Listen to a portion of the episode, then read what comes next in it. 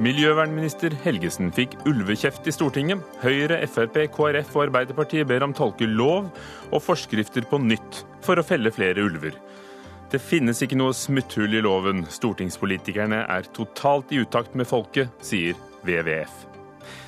Flere offiserer vil tone ned det religiøse og få prestene ut av Forsvaret. Helt feil å skyve troen ut, svarer feltprestene. Og mens Donald Trump stenger grensen til USA for mennesker fra syv forskjellige land, sier nabolandet Canada velkommen til oss. Så kom det et terrorangrep mot muslimene i Quebec. Hva nå?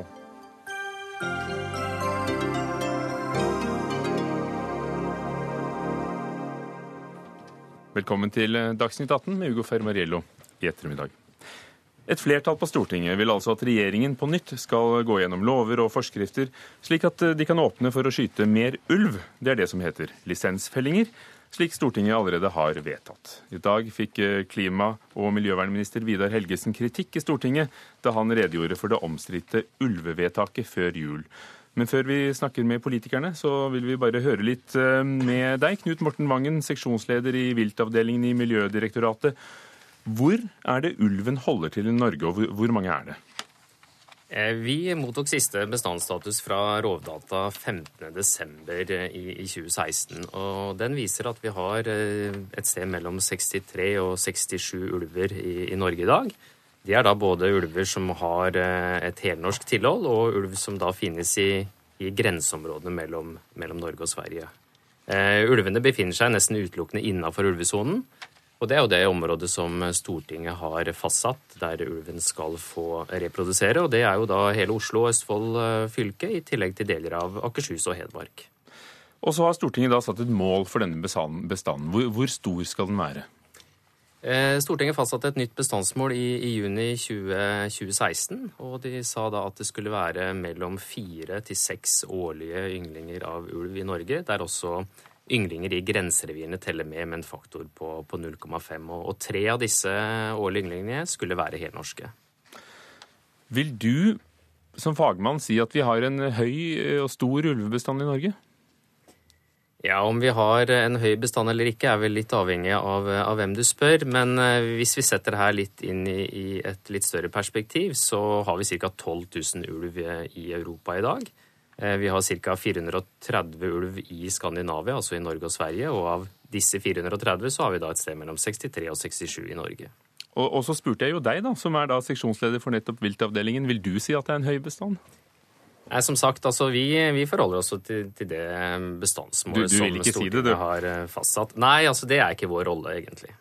Vedtaket i rovviltnemndene i fjor eh, kom jo med tall på hvor mange som skulle tas ut, som det heter, eller, eller skytes på, på, vanlig norsk. Og hva ble det resultatet? Nei, Rovviltnemndene åpna totalt sett for en eh, lisensfelling av 47 ulver. Det var da foreslått et uttak av eh, fire flokker der tre av flokkene da hadde tilhold innenfor ulvesonen, og én hadde tilhold rett uh, utenfor. I tillegg så foreslo de da uh, felling av 15 ulver utenfor ulvesonen. Og hvis det skal felles mer ulv i vinter, hvordan, hvordan kan det skje? Nei, nå, så, nå, foregår det jo fortsatt da lisensfelling av ulv utafor ulvesonen. Eh, der er det en gjenstående kvote på, på 11 ulver. Så der vil det jo pågå jakt, enten da til, til kvoten er, er, fylt, eventuelt til, til, utgangen av mars, som er da eh, avslutningstidspunktet for, for eh, lisensfellingen. Eh, I tillegg så vil det jo være sånn at eh, det kan felles enkeltindivider av ulv som da har en uønska atferd, f.eks. en nærgående atferd. Eh, og slike ulver kan jo felles både utenfor og innenfor ulvesonen. Eh, I sånne tilfeller så blir det da gjort en konkret vurdering i, i felt av Statens naturoppsyn om ulvene har en, en uønska og, og, nærgående atferd. Og en eventuelt felling vil da også gjennomføres av Statens naturoppsyn. Og så hører vi da at dere har radiomerket 14 ulver. Hvorfor det? Eh, Miljødirektoratet fikk et oppdrag fra Klima- og miljødepartementet 10.1 knytta til eh, det her. Og, eh, og, formålet med merkinga er egentlig todelt. Det ene er å dokumentere områdebruken til ulvene på en bedre måte, slik at man da enda mer detaljert kan se på, på eventuelle endringer i, i skadepotensial knytta til husdyr og tamrein. Eh, og så er det også en oppfølging i forhold til da at eh, lokalbefolkningen oppfatter at særlig ulvene i dette Slettåsreviret har hatt en spesielt nærgående atferd. Ved å ha disse ulvene radiomerka, så har man mulighet til å følge dem på en tettere måte, også for å se på atferd. Knut Morten Vangen, takk skal du ha. Seksjonsleder i, i viltavdelingen i Miljødirektoratet, som altså ikke blir med i den eh, politiske debatten. Eh, Vidar Helgesen, eh, statsråden kunne ikke komme i dag, men det kunne heldigvis du. Lars Andreas Lunde, statssekretær i, Miljø- og klimadepartementet. Det forslaget som flertallet på Stortinget, altså partene i rovdyrforliket, Høyre, Arbeiderpartiet, Kristelig Folkeparti og Fremskrittspartiet nå er enige om, hva innebærer det? Eh, det innebærer for det første at vi skal gå gjennom de rettslige rammene for eh, dette vedtaket om, om lisensfelling eh, på nytt. Eh, og det vil vi, vil vi, selvsagt gjøre, og se om det, om det er hjemmel for, eh, for, for lisensfelling for, for, for ferieulv. I tillegg, Det var det første delen. Andre delen var at de ønsket også at vi skulle endre rovvilt, eh, rovviltforskriften. Så, og disse, begge, del, begge, deler er, er, tiltak som vi vil komme tilbake på Stortinget. Og Stortinget sa at de vil at ba oss om komme tilbake på dette innen 10. mars, og det vil vi selvsagt gjøre. Og Det var også statsråden veldig klar på i Stortinget i dag. For det var jo før jul at statsråden sa at, at alle disse lisensfellingene kunne ikke gå gjennom, for det stred da mot anbefaling fra Lovavdelingen. Hvorfor skulle dere kunne se annerledes på det nå? Nei, Vi vil jo ta og se om det er kommet nye opplysninger eh, som, som, gjør at vi kan kunne iverksette felling på nytt. Eh, det er derfor vi bl.a. har satt i gang denne eh, radiomerkingen av ulv, for å se om det er noe i bevegelsesmønsteret på ulv som skulle tilsi at, at det har et eh, skadepotensial. Eh, I, I, tillegg så har det jo også kommet en, en, en svensk høyesterettsdom altså, eh, som har åpnet for at man kan kunne ta ut noe ulv i Sverige. Og Sverige er jo bundet av de samme internasjonale reglene som Norge, som er den internasjonale eller europeiske Bernkonvensjonen. Og vi vil også se på om, om det er noen ting i den svenske dommen som gjør at, at vi kan tolke Bernkonvensjonen på noen annen måte enn tidligere og åpne for, eh, for lisensfelling av ulv. Men ingen tvil om at dette er en krevende sak. Det, problemet her er at eh, Stortingets eh, bestandsmål for ulv på fire til seks ynglinger ikke er i samsvar med loven, som krever at det må være et såkalt skadepotensial. Altså at ulven må utgjøre en fare for husdyr eller tamrein. Og når innenfor ulvesonen så er det i dag nesten ikke noe beitedyr, sauer på beite, og det er ikke noe tamreindrift. Og vi vet også at vandringsmønstrene er slik at ulven innenfor sonen, når de en gang bryter ut av sine revir, så går de gjerne inn i Sverige. De aller fleste, Det er svært få ulver som går inn i Norge og tar norske sau. De ulvene som i første rekke tar sau i Norge, de kommer fra Sverige. Nine Jensen, generalsekretær i WWF Norge, Verdens naturfond. Dere mener at Stortinget leter etter smutthull i loven? Ja, det er jo sånn det kan fremstå her. Eh, for denne saken er jo grundig belyst allerede. Eh, vi har altså en eh, ganske beskjeden ulvebestand i Norge. En av de laveste i Europa, på tross av at vi har lavest befolkningstetthet og samtidig høyest erstatningsutbetaling. Så har man da fått saken grundig belyst av Lovavdelingen i Justisdepartementet, som altså ikke er ulveaktivister, men som forholder seg objektivt og saklig sett til norsk norsk lov. Når de da sier nei, eh, basert på faggrunnlaget fra både Klima- og miljødepartementet og Landbruksdepartementet, så syns jeg politikerne på Stortinget burde være mer opptatt av å følge norsk lov enn å finne smutthull i den for å skyte en kritisk truet og ikke minst fredet art i Norge. Du så også demonstrasjonene foran Stortinget i går. Det er mange som føler frykt, fordi eh, ulven kommer nær hus. Og, og når det ikke drives med verken tamrein eller sau, så, så, er det jo flere bønder som sier at nei, vi gjør ikke det. Fordi eh, det er for farlig. Vi har sluttet med det. Ja, altså dette er jo resultatet av en villet politikk. Man har etablert en ulvesone der ulven har fått begrenset sitt leveområde til kun 5 eh, av det totale landarealet i Norge. Eh, og innenfor dette området, dette beskjedne området, så skal ulven faktisk eh, få lov til å leve. På tross av det så har man også 30 000 sau på beite i ulvesonen. Eh, men med da beskjedne tap. Eh, så man har altså hatt en politikk som har funket. Vi har flere ulv, vi har flere sau på utmarksbeite, men utenfor ulvesonen. Eh, og vi har historisk lave tap til rovdyr. Dette burde vi være fornøyd med, ikke være misfornøyd med. Og så tror jeg det er viktig også å understreke at motstanden, eller forkjemperne for ulv er like sterke som motstanderne. Vi hadde en markering for ulven eh, rett før jul, og da var det tusenvis av mennesker som hadde møtt opp eh, for å tale saken for ulv. Og ikke minst, vi har nå samlet inn over 72 000 underskrifter for ulven, så her er det folkeflertallet som har sagt et tydelig ja til ulv i norsk natur. Så du mener dere er like høylytte og like mange? Vi er nok ikke like høylytte, men eh, jeg håper politikerne lytter likevel. Jan Henrik Fredriksen, medlem av energi- og miljøkomiteen. Hvorfor har dere på Stortinget i dag villet instruert regjeringen om å tolke loven på nytt? Eh, ja, nå har ikke vi eh, brukt ordet eh, instruert. Nei, det var meg. Men det er klart at, at når Stortinget gjør et vedtak som vi gjorde, som samtlige fire partier mener er et balansert vedtak, så forventer man faktisk at dette blir fulgt opp i praksis. Nå har vi hatt eh, parlamentarisme i Norge siden 1884. Eh, Stortinget er den lovgivende forsamlinga i Norge. Eh, og da er det faktisk slik at da har departementet en oppgave. å gjennomføre det som Stortinget har vedtatt. Selvfølgelig skal man forholde seg i forhold til det som er innafor et lovverk. Men det er også klart det at man må forholde seg til det som Stortinget har vedtatt. Mats Sandnes, professor i juss ved Universitetet i Oslo, blant flere universiteter.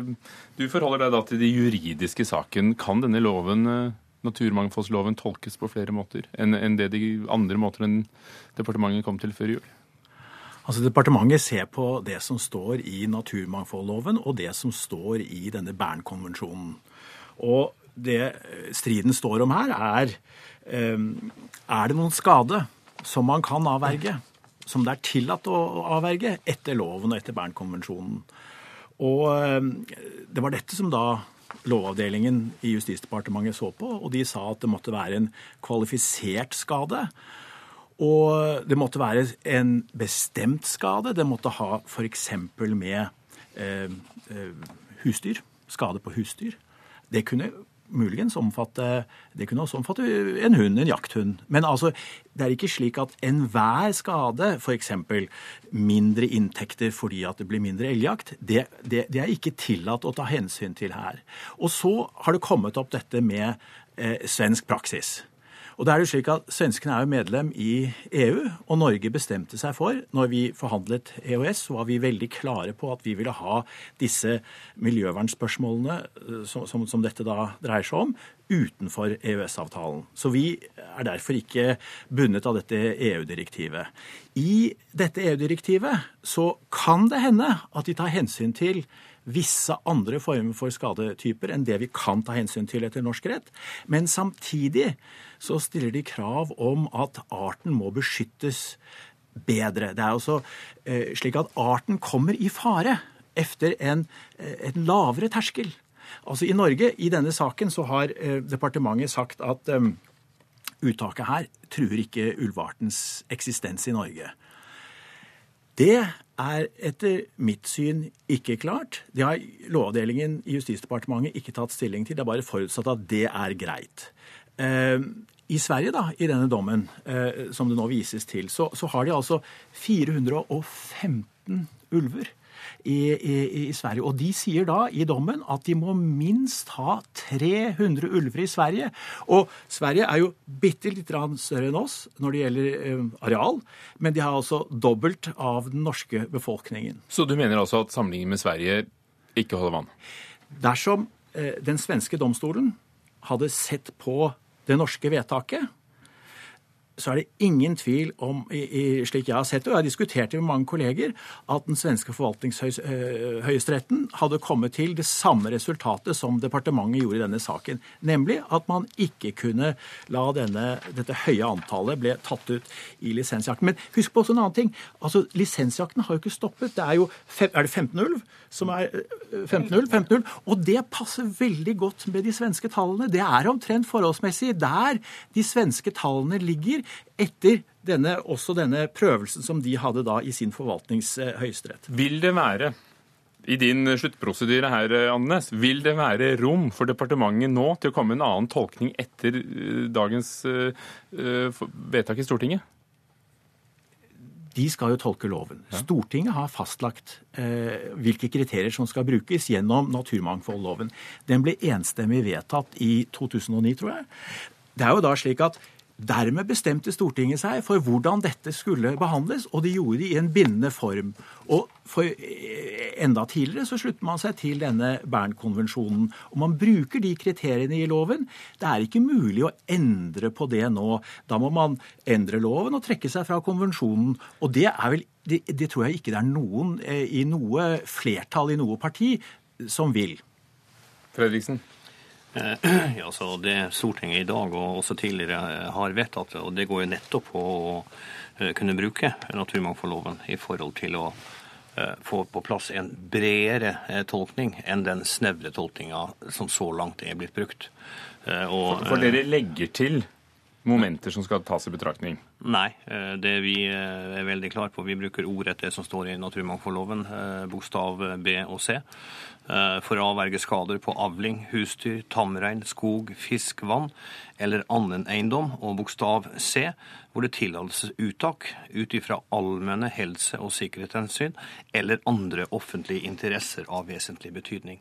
Og det gir rom for en mye bredere tolking enn det som er blitt gjort så langt. Hvor mange ulv mener du skal skytes? Altså, Det er faktisk slik at det stortingsvedtaket som ble gjort, så er det faktisk slik at Stortinget har delegert ansvaret i forhold til uttak til de regionale rovviltnemndene. Eh, og de vil ha myndighet til å ta ut så lenge vi er på eller over bestandsnivået. Det som er under bestandsnivået, det må gå veien om Miljødirektoratet. Og det er det Stortinget har vedtatt. Nina Jensen i WWF, er det ikke rimelig at det er da disse nemndene, fagfolkene, som, som avgjør? Altså, Nemndene kom jo med en innstilling her som var stikk i strid med loven. Eh, og Da kan man jo spørre seg hvor eh, fornuftig det vedtaket var. Eh, jeg syns jo det er viktigst at våre folkevalgte faktisk oppfyller norsk lov, fremfor å gå til det drastiske skrittet som de anbefalte, som var å skyte 75% av den norske ulvebestanden. Jeg tror selv ikke Fremskrittspartiet ønsker et så drastisk uttak av ulv i Norge. 47 av 68 dyr. Ehm, så eh, må man jo gjerne mene at det er andre aspekter som burde eh, tolkes inn her. Det som kunne vært spennende, ville jo vært å prøve denne saken for en domstol, for å faktisk se hvordan eh, tolkningen reelt sett burde være.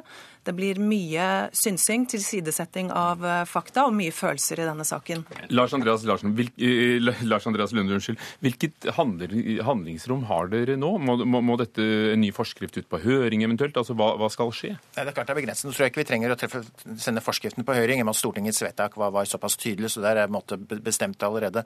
Men det det er, riktig som Fredriksen sier. Det er klart at, at, at øh, en regjering må følge uh, Stortingets vedtak. Men en, en statsråd, en regjering, må også følge norsk lov. Altså, Vi kan ikke treffe vedtak som er i strid med norsk lov. Og her har vi hatt en grundig juridisk gjennomgang. Ikke en smal vurdering, men en bred vurdering hvor Lovavdelingen har stått fritt til å ta inn alle juridiske aspekter i naturmangfoldloven. Men hva kan da forandres med dagens vedtak blant partiene på Stortinget? Nei, Vi vil jo nå gå gjennom Stortingets vedtak, og så vil vi få svar på det innen 10.3, som Stortinget har bedt om. Men det er klart at det er en krevende situasjon. Men vi vil følge opp Stortingets vedtak og ta den, nye, den nye gjennomgangen som Stortinget har bedt om, i tillegg til å endre den, den forskriften, som for så vidt er det minste problemet. Men å ta den, å ta, ta, ta den gjennomgangen vil vi selvfølgelig, vil vi selvfølgelig gjøre. Men, men det, det, er, krevende, for vi ser vi har et begrenset, veldig begrenset juridisk handlingsrom her.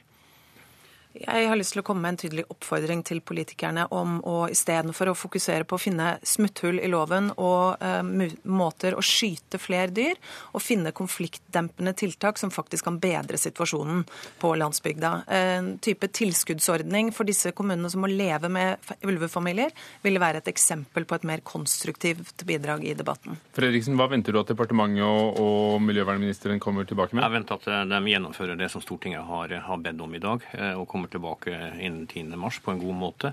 Eh, men jeg må også si det i forhold til eh, Nina Jensen her, at eh, hva løser man egentlig i forhold til å overføre mer penger til de kommunene som er involvert? Det vil ikke hindre at redselen for ulv og allmenn helse- og sikkerhetshensyn forsvinner. Tvert imot. Det vil føre til at det vil bli mer ulv, slik at konfliktene blir enda større. Mats Sandnes er det rom for tolkning, tross alt? Vi snakker om tolkning av, av, av lover. Det er jo sikkert veldig greit at departementet kan se f.eks. på denne svenske dommen. Eh, jeg har lest den grundig. Jeg tror ikke det kan føre frem, men det er godt at det blir gjort på en autoritativ måte. Og så er det dette med alternativloven, og Bern-konvensjonen sier at man skal se, utrede alternativer. Og det er veldig riktig. Er det en annen måte å løse dette på, redusere denne frykten på, så må jo det være i alles interesse. Takk skal dere ha, alle sammen. Knut Morten Vangen, som vi hørte før. Nina Jensen, generalsekretær i Verdens naturfond. Mats Sandnes, professor i juss ved Universitetet i Oslo. Lars Andreas Lunde, statssekretær i Miljøverndepartementet. Og Jan Henrik Fredriksen fra Fremskrittspartiet på Stortinget. Dagsnytt 18 alle hverdager klokka 18.00 på NRK P2 og NRK2.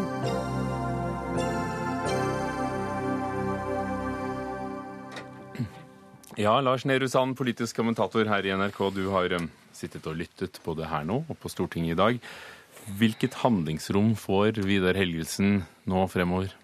Det er, eh, det er, lite, så lenge loven er lik. Altså Vi hører han skal gjøre en ny gjennomgang av loven. Eh, men at, eh, hans bestemte oppfatning er at den gjennomgangen ikke er så snever som mange har lest det som, men at det er gjort en fullstendig gjennomgang av begge disse bokstavene vi hører, eller de delene av naturmangfoldloven som Stortinget refererer til også i dag. Og det betyr jo da at vi har, og man må ikke glemme det heller i debatten, at det er en vernelov som virker. Og, og eh, miljøministeren har jo begrensa mulighet til å være glad for det, selvfølgelig, men, men, eh, sånn som debatten er nå. Men det er også et annet faktum her, og det er at tiden eh, ikke spiller på lag med, med, de som ønsker en lisensjakt nå i år.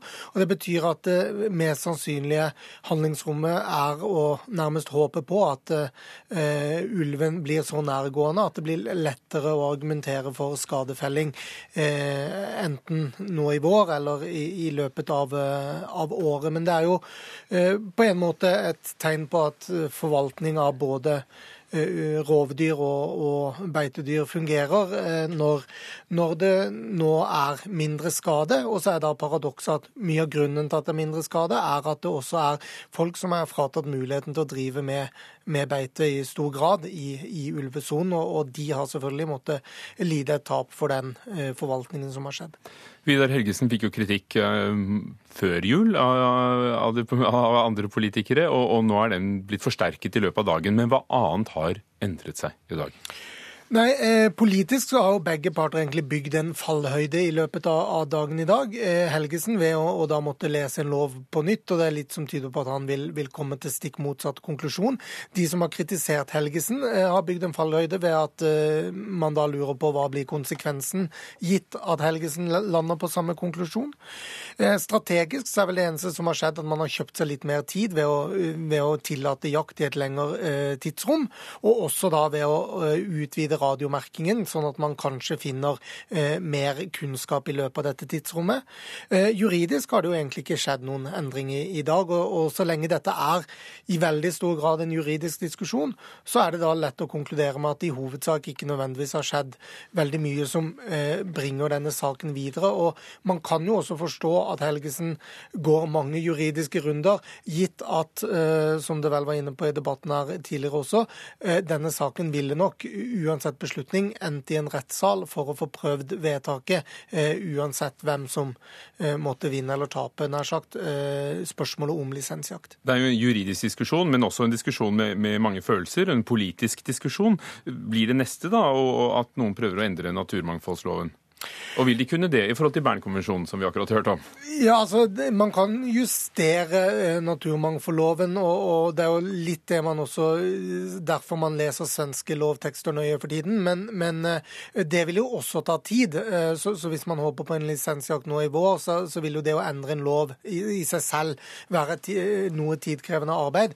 For det første. For det andre så, så, er det sånn at den samarbeidsavtalen regjeringen har med, med Venstre og KrF, kanskje mest Venstre i dette tilfellet, eh, sier at naturmangfoldsloven ikke skal endres. Og Venstre er veldig tydelig på at de vil se på det som et brudd med den avtalen. Så for denne stortingsperioden, som riktignok snart er slutt, eh, så er det eh, vanskelig å se for seg at man vil, vil endre naturmangfoldloven.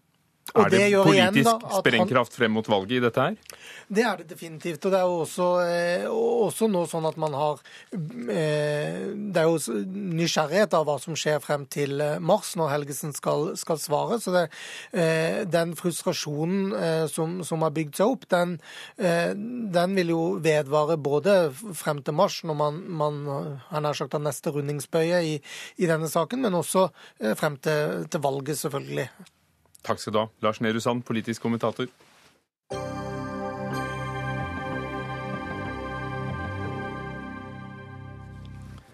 I morgen starter Forsvarets første feltlivssynshumanist, en feltlivssynshumanist altså, på jobb. Og tidligere denne måneden fikk feltprestene selskap av en egen feltimam. Samtidig pågår det et lite opprør mot Forsvarets 53 prester. Det skriver Forsvarets forum og Aftenposten om i dag. Flere offiserer tar til orde for å fase ut alle tros- og livssynsstillinger i Forsvaret. Tormod Overland, major i Luftforsvaret. Hvorfor trenger dere ikke lenger prester i Forsvaret? Nei, Jeg opplever jo, som jeg har beskrevet her i media, at prester og religion fører til mer konflikt og ulikheter eh, enn det fører til samhold.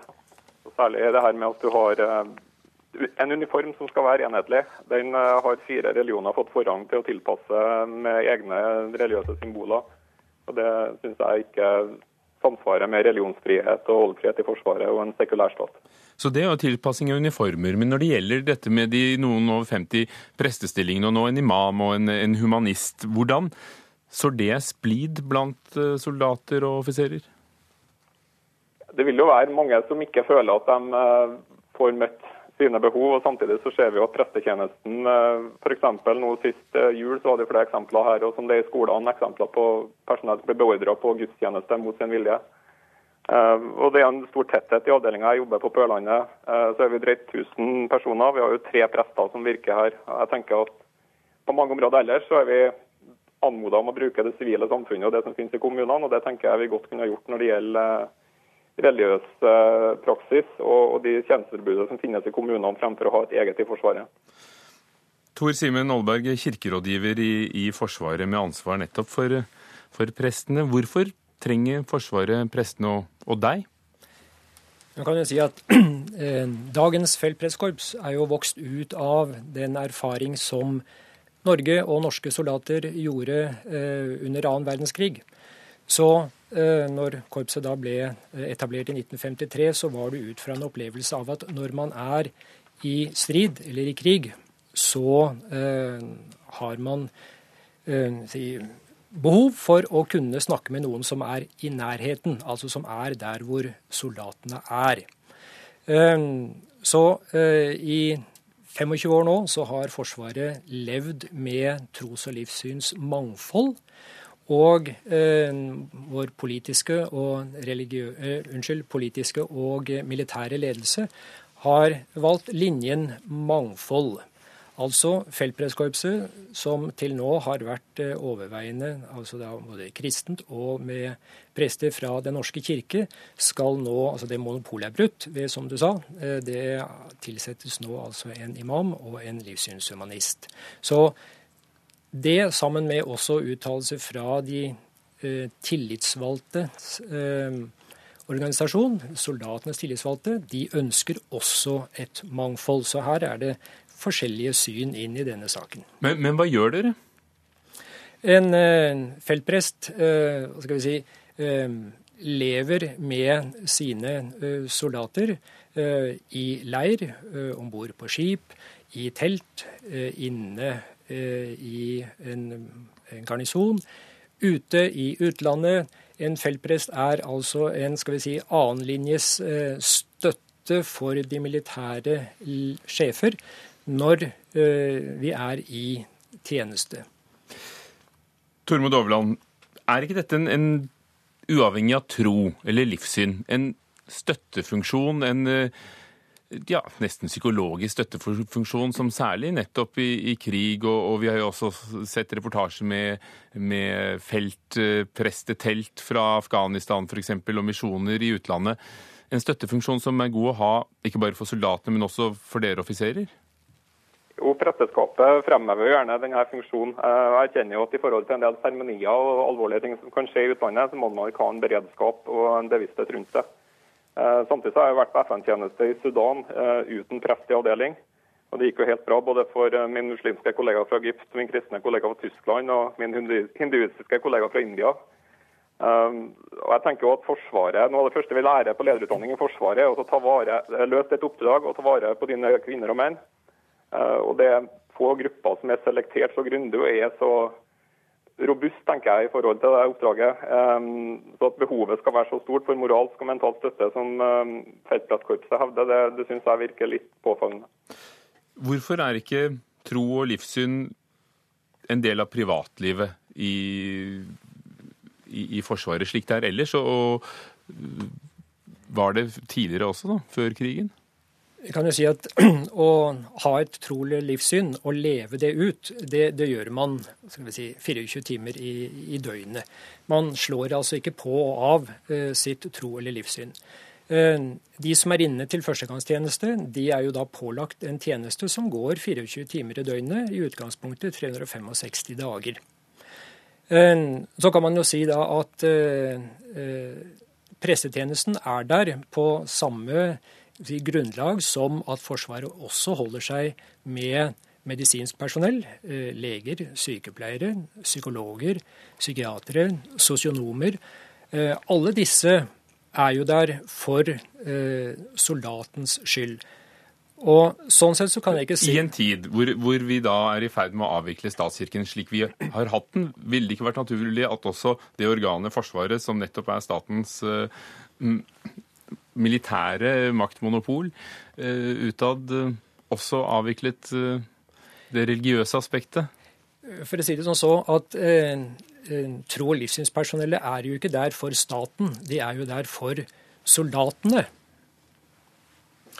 Overland, er det et prinsipielt spørsmål for deg, eller er det et praktisk spørsmål at du mener faktisk at, at det kommer i veien for eh, jobben dere skal gjøre? Eh, begge delene. Det er praktisk. Det er en, bit av det, tenker jeg. At du kan hele tida påberope særrettigheter og tillempe i forhold til Eh, et livssyn, og du fjerner deg litt fra den enhetstanken at vi, vi stiller Befolkninga stiller sine beste menn og kvinner til forsvar av landet, og der skal de samles på tvers av alle ja, nivåer av samfunnet og geografi og jobbe sammen for å løse oppdraget. Og jeg opplever at, at religion her er med å splitte litt der, det samholdet som mange tenker rundt Forsvaret. Men, men, hvordan forklarer du at tydeligvis soldatenes egne organisasjoner gjerne ønsker seg dette tilbudet? Eh, ja, Det soldatene har sagt, er at de ønsker mindre, eh, de ønsker et mangfold. De ønsker at prestemonopolet skal opphøre. Det har jo de tillitsvalgte uttalt. Så De ønsker seg jo et, et mangfold, fall, i stedet for sånn som det har vært tidligere med prestetjenestens monopol på de tjenestene. Eh, og Det er jo det diskusjonen har gått på mye til nå. Og, og, det har dere jo fått nå, med at det kommer en imam og en humanist? Ja, med både 53 prester du sa, og én imam og en humanist, så er det vel ikke fullt mangfold ennå, i hvert fall. Olberg, eh, eh, trenger Forsvaret så mange prester? For eh, ellers i samfunnet så er det altså en prest per rundt 400 000 hoder. Og i, i Forsvaret er det én for hver 400. soldat. Man kan jo si at sånn sett Norge er jo et langstrakt land. Og det er avdelinger som ligger Noen ligger sentralt i landet, andre ligger mer avsides. Og dermed så eh, syns nå vi at uh, det er viktig å se hvor er det behov, ikke å, å regne etter uh, prosenter. Men, men, er det sånn at soldater tvinges til å gå på gudstjeneste, som vi hørte eksempler fra? Jeg har erfart i min tidligere tjeneste som feltprest at enkelte offiserer kan være ganske ivrig på å få soldatene eh, med til en, eh, en, en kirkeparade, f.eks. Men det er helt klart at eh, enhver soldat skal ha rett til å be seg fritatt. Hva vil Forsvaret tape, sett fra kristent ståsted, hvis Overland og hans offisersvenner får, det som de vil? Jeg vil jo tenke at uh, uh, altså igjen, da, da vil staten uh, kalle inn mennesker til å gjøre tjeneste og si at ja, vi, vi tar deg altså 24 timer i døgnet i et år, men du skal altså ikke få lov til å, å leve ut din tro livssyn. Altså Min grunnholdning vil da være at du får en bedre soldat som kan leve i sitt, med sin tro og sitt livssyn i sin militære tjeneste, og ikke fornekte den. Overland, hva vil dere vinne, mener du? Jeg tror det vil bli eh, et, et mer samkjørt forsvar. Eh, nå fremelsker vi jo det her med at gutter og jenter skal være på rom, dele rom, bli sterke team sammen. Og jeg tenker at de her religiøse særkravene med tildekking av bar hud, bæring av egne kniver og alle her symbolbruken som er veldig strengt regulert eller i Forsvaret med, med hårfasong, eh, bruk av solbriller. Alt ellers er veldig regulert, men på, på religiøst grunnlag så skal du kunne ha masse tillempninger. Det, det er med å bryte dette her. Så jeg tror vi har fått et mer samkjørt med forsvar med bedre trivsel. Eh, og vil ha bort alt som, som eh, har med religion å gjøre? Fra det felles? I, i, fra det felles. Og i tjenesten eh, vil jeg gjerne ha det. Presten må gjerne samle sin skare i, i kapellet for uh, ja, gudstjeneste på kveldstid eller utenfor tjenesten. Men i, i de offisielle anledningene i Forsvaret så ønsker jeg gjerne å tone ned prestens betydninger. Takk skal dere ha, begge to. Tormod Overland, som er major i Luftforsvaret, og Tor Simen Aalberg, kirkerådgiver i Forsvaret.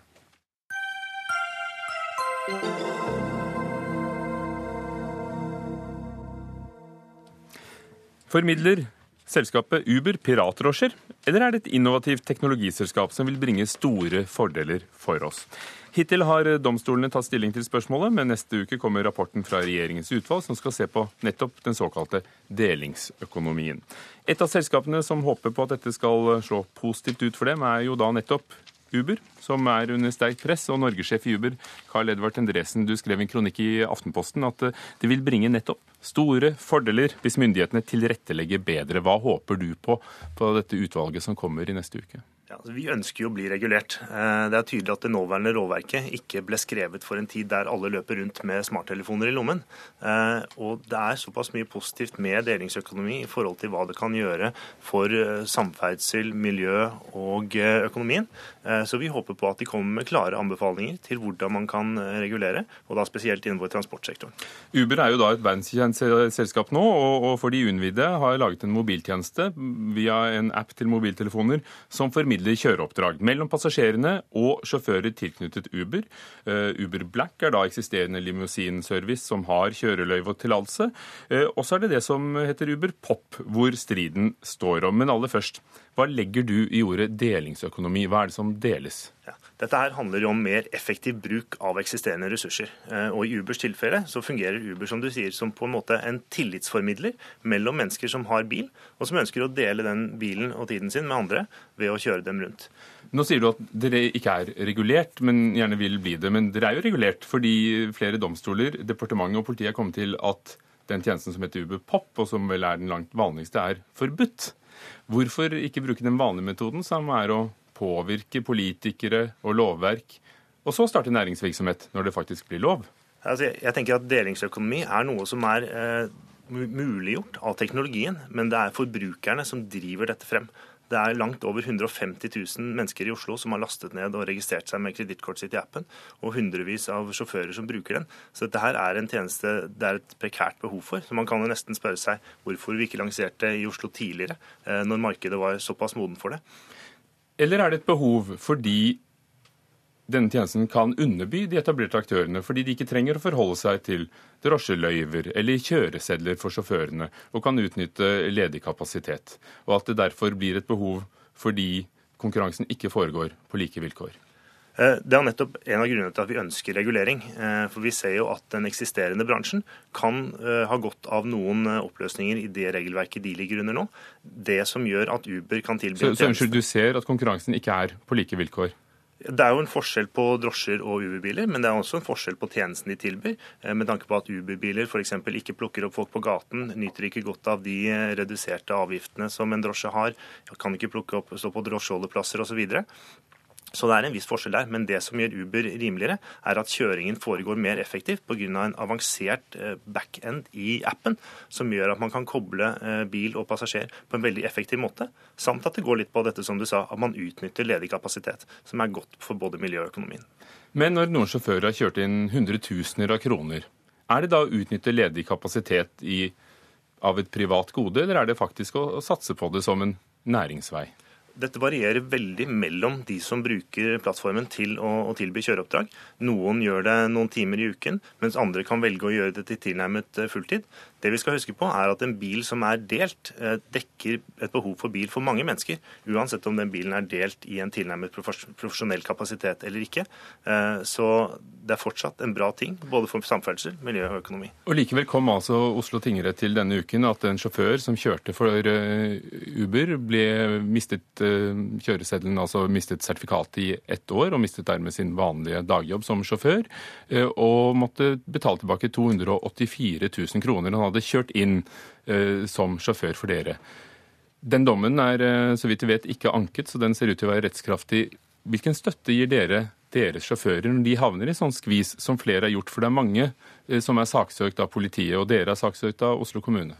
Ja, det som er klart, er jo at det denne personen og andre som bruker jobb har gjort, er å tilby mennesker i Oslo en trygg, enkel og rimelig reise. Men hvilken støtte gir så, dere til de sjåførene som havner i denne rettslige skvisen? Ja, så Vi støtter de sjåførene eh, som, som, havner i, i den skvisen, for vi mener at de lider under det faktum at eh, regelverket er uklart og utdatert. og Det er nettopp derfor vi er veldig fornøyd med at Delingsøkonomiutvalget nå skal se på og dette. Og Hvordan støtter dere f.eks. denne sjåføren? Vi tar, tar, det på en, en case by case, altså ser på hvert tilfelle og finner ut hva som er riktig å gjøre. Det som er med penger, oss, eller med uttalelser? Jeg, jeg, vil ikke gå inn direkte på akkurat hvordan den støtten foregår. Men det som er viktig for oss, er at det er ikke de som velger å være pionerer innenfor delingsøkonomien, som skal lide av at lovverket er utdatert. Og jeg tror at de fleste er enige om at disse reaksjonene mot en person som ikke har gjort noe annet enn å tilby folk skyss rundt i byen, er en voldsom overreaksjon. I England kom det en dom i arbeidsretten som er anket av Uber. Eh, som fastslår at Uber har arbeidsgiveransvar for alle sjåførene i, i Storbritannia, som innebærer da feriepenger, minstelønn, pensjonsrettigheter osv. Har dere arbeidsgiveransvar? Det må påpeke som du sa, at den dommen er, er, anket. og I England så har de tre kategorier. Du har på en måte en, eh, en worker-kategori som er mellom eh, arbeids... Men Hvordan ser du på det i Norge for de som, sjåførene som kjører her? Ja, Jeg skal nevne én ting til om England. og det er at eh, Dagen etter at to sjåfører eh, fikk, eh, fikk, denne saken vurdert i den domstolen, så kom det over tusenvis av meldinger inn til Uber fra bekymrede sjåfører som var redde for at dette kommer til å utfordre deres stilling. De som kjører på Uber-plattformen, ønsker å ha den friheten det innebærer å kunne velge selv når man, når man, vil kjøre og hvordan man vil utføre de oppdragene sine. Og Vi mener det er ganske tydelig også innenfor det norske regelverket at Uber er ikke arbeidsgiver, men heller en oppdragsformidler. altså en For Dere kaller det jo nettopp et teknologiselskap og ikke transportselskap. Det står veldig tydelig på, på hjemmesiden deres. Når dere etablerer dere i Nederland, hvor dere skatter med fordelaktig skatt, ser du at det er med på å underby da, igjen tilbake til det forrige spørsmålet, de eksisterende tjenestene ved å omgå hvert lands individuelle skatteregimer, lovverk osv.? Det er først og fremst viktig å påpeke at uh, alle som kjører på Uber-plattformen, selvfølgelig skal betale den skatten de, de må betale. Det er deres skatt, men tenker, ja. altså sjåførenes skatt, nå tenkte jeg på deres selskapsskatt. Selvfølgelig. Men det er et viktig poeng at mellom 75 og 80% av all inntekten som genereres på plattformen, går til nettopp sjåførene. Derfor vil brorparten alltid komme til beskatning i det lokale markedet, mens resten uh, går til beskatning da i Nederland. Uber følger jo selvfølgelig alle internasjonale skatteregler på dette her, uh, og det mener vi bør være greit. Så det er ikke å underby de andre? Nei, Det vi har gjort, er å skape en effektiv tjeneste som gjør det mulig for sjåfører å tjene godt, selv om de faktisk tar en lavere pris enn det den etablerte næringen gjør i Norge i dag, der vi har verdens dyreste taxipriser. Rune Fosshaug, avdelingsdirektør eh, for forskning, innovasjon og digitalisering i NHO. Er Uber, og han vil høre her, et eksempel på delingsøkonomi? Ja, det tror jeg. Det er mange, mange, ting som går under begrepet delingsøkonomi, og jeg tror Iber er ett av dem. Eh, fra NHO sin side så er det viktig å si at vi er positive til delingsøkonomien fordi det har gode effekter både for innovasjon og produktivitetsforbedring. Hva er det da, delingsøkonomi? Ja, det, er, det, det, vil jeg si, fordi du på en måte deler jo din arbeidskraft inn, inn i dette systemet som, som, som, som, arbeids, som arbeider i, i, systemet. Men på en annen måte enn man gjør som ansatt i andre systemer og firmaer? Nei, det kan du si. Det, det, det, det, som er annerledes her, er at du gjør det på en måte via en teknologisk plattform. Men, men det, som er viktig for oss å få fram her, sånn, det er at det, må være en balanse i reguleringen. ikke sant? Og det er jo det Uber sier, her, at de gjerne vil bli regulert. Du må ha en regulering som både ivaretar innovasjonen, men samtidig også ivaretar hensynet til seriøst arbeidsliv. Det er slik at alle som opererer i Norge, må forholde seg til alminnelige skatteregler, forbrukervern, helse, miljø og sikkerhet. Og det er viktig. Så det må være en tilnærming i, i regelverket av det som har vært det eksisterende og de, og de, nye aktørene som kommer inn. Men det må være en bunnplanke som alle må forholde seg til. Og Det, det føler jeg også Uber er eh, helt fullstendig innforstått med. og de, de, vil gjerne bli regulert, og de vil gjerne gjøre dette her så lovlig som mulig. Men når norske myndigheter hittil har fastslått at Uber er ulovlig, hvorfor er dere da så positive til at de kan starte opp og så kanskje bli lovlig etter hvert, da?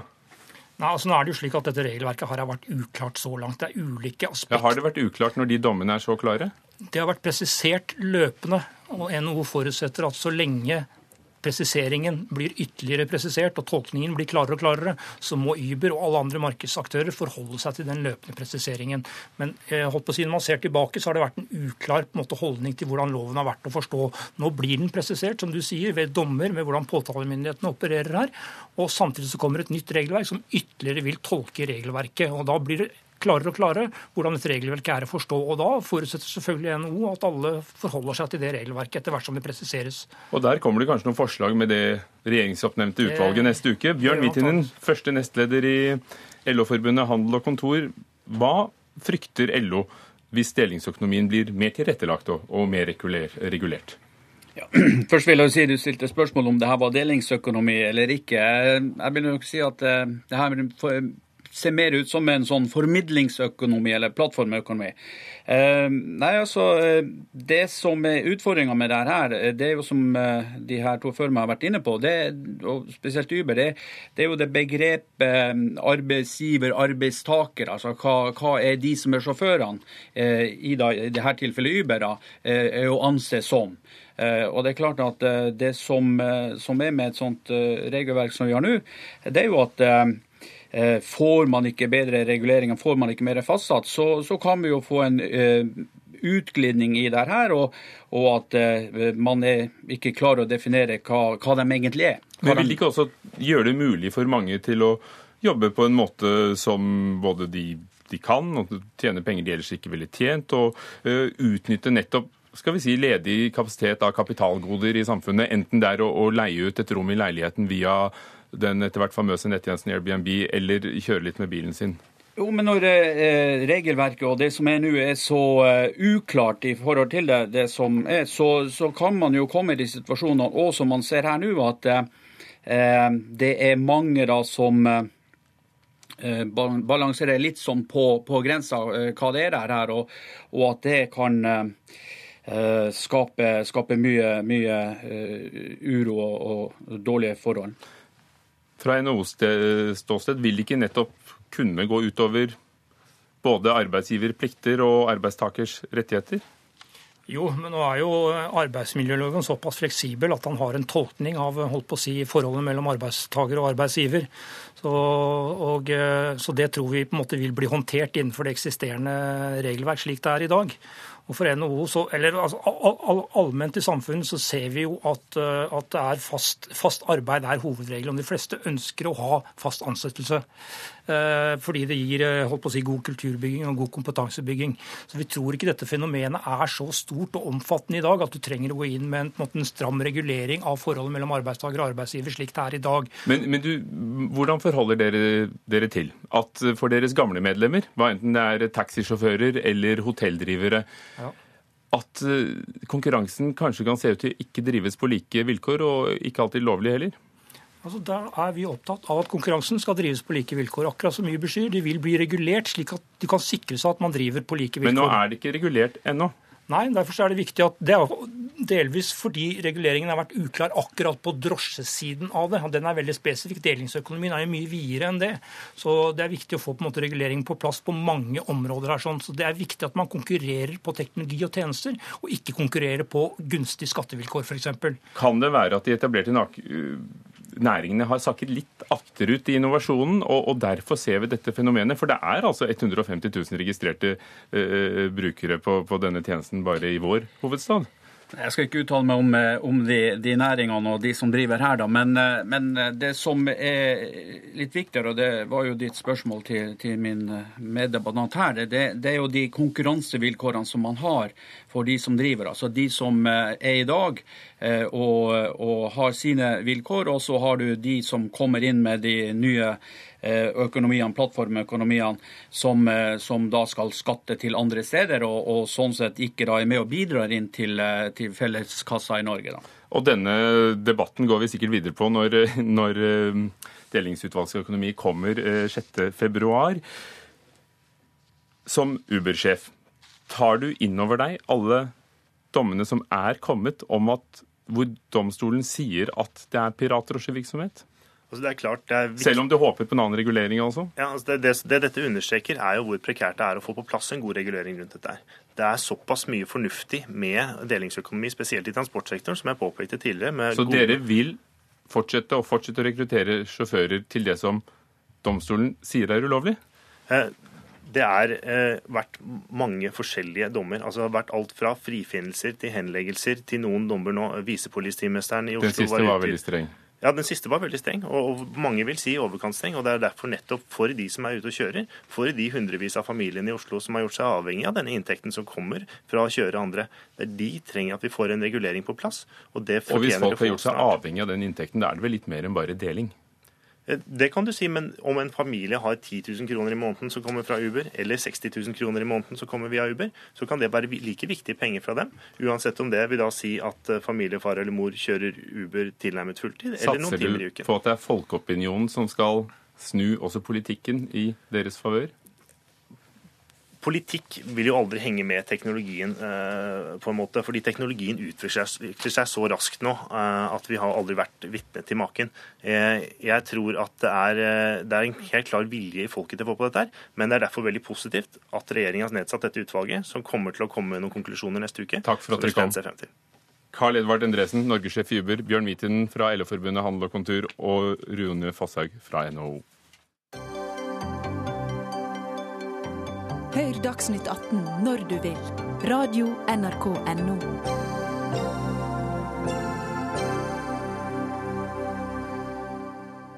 I natt norsk tid ga USAs eh, president eh, justisministeren sparken etter at hun mente at det nye innreiseforbudet til USA kunne være ulovlig. Og Dette forbudet gjelder altså flyktninger og, og personer fra syv land Iran, Irak, Libya, Somalia, Sudan, Syria og Jemen. Men Statsministeren i nabolandet Canada ønsker flyktninger velkommen til landet. Og søndag ble Canada rammet av en terrorhandling. En høyreradikal student angrep muslimer på bønn i moské i Quebec. Seks personer ble drept. Tove Bjørgaas, korrespondent i Washington. Sally Yates, justisminister opprinnelig oppnevnt av Obama. Det var vel bare et spørsmål om tid før hun eh, måtte gå, men likevel et sterkt signal at det skjedde sånn eh, i hui og hast?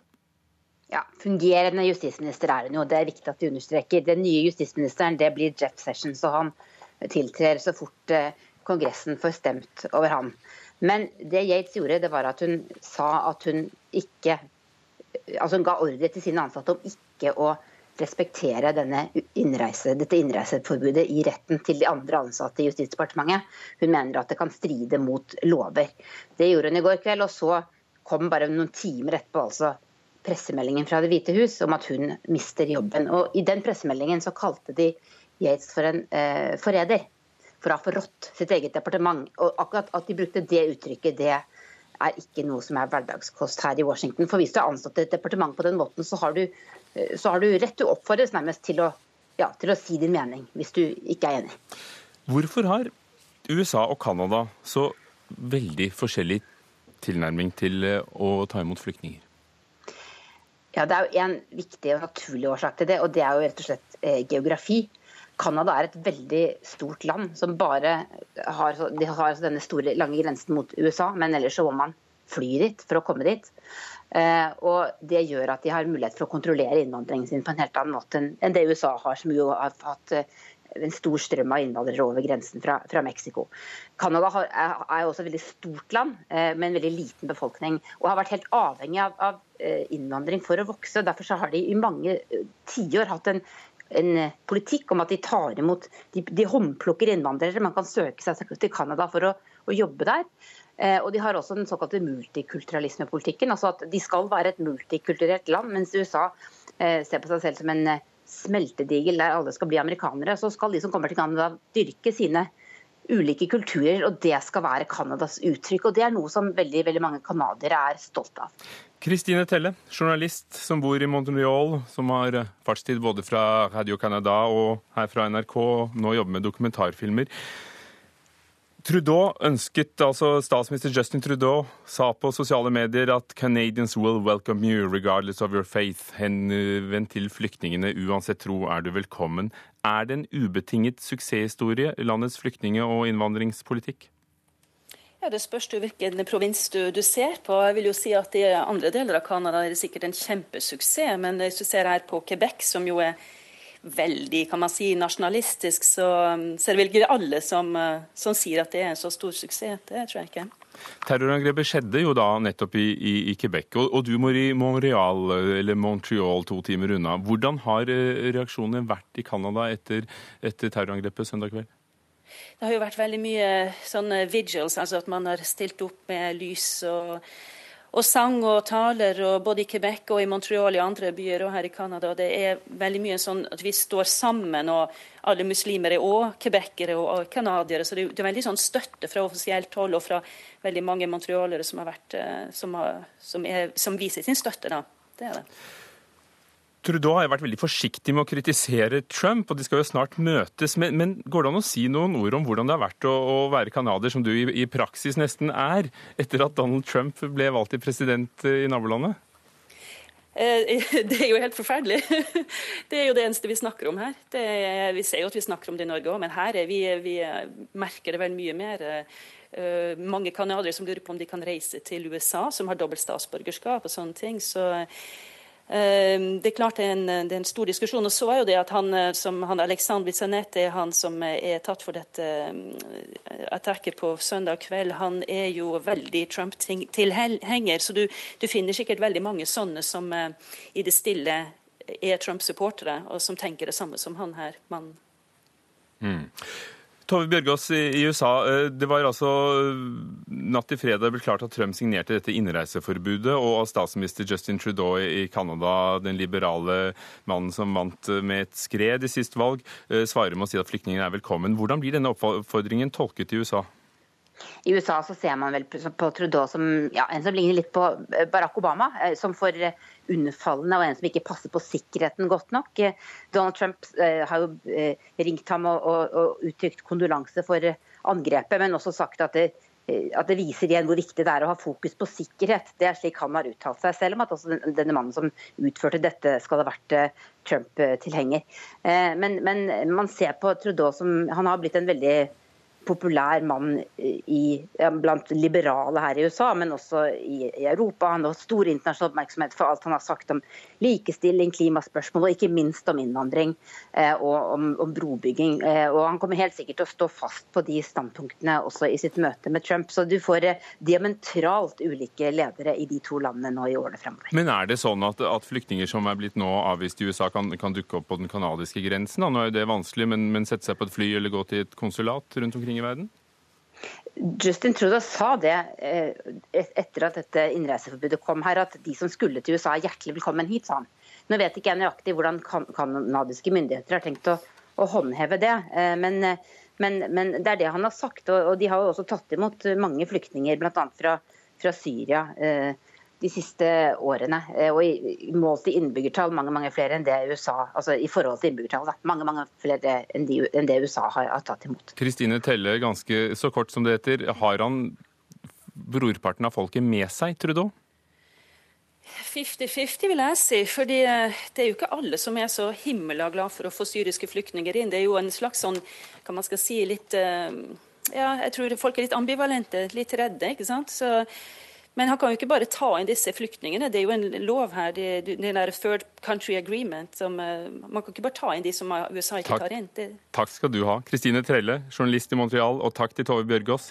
Jaran Ree Mikkelsen var ansvarlig for Dagsnytt 18. Erik Sandbråten, teknisk ansvarlig, programleder Rugo Fermariello.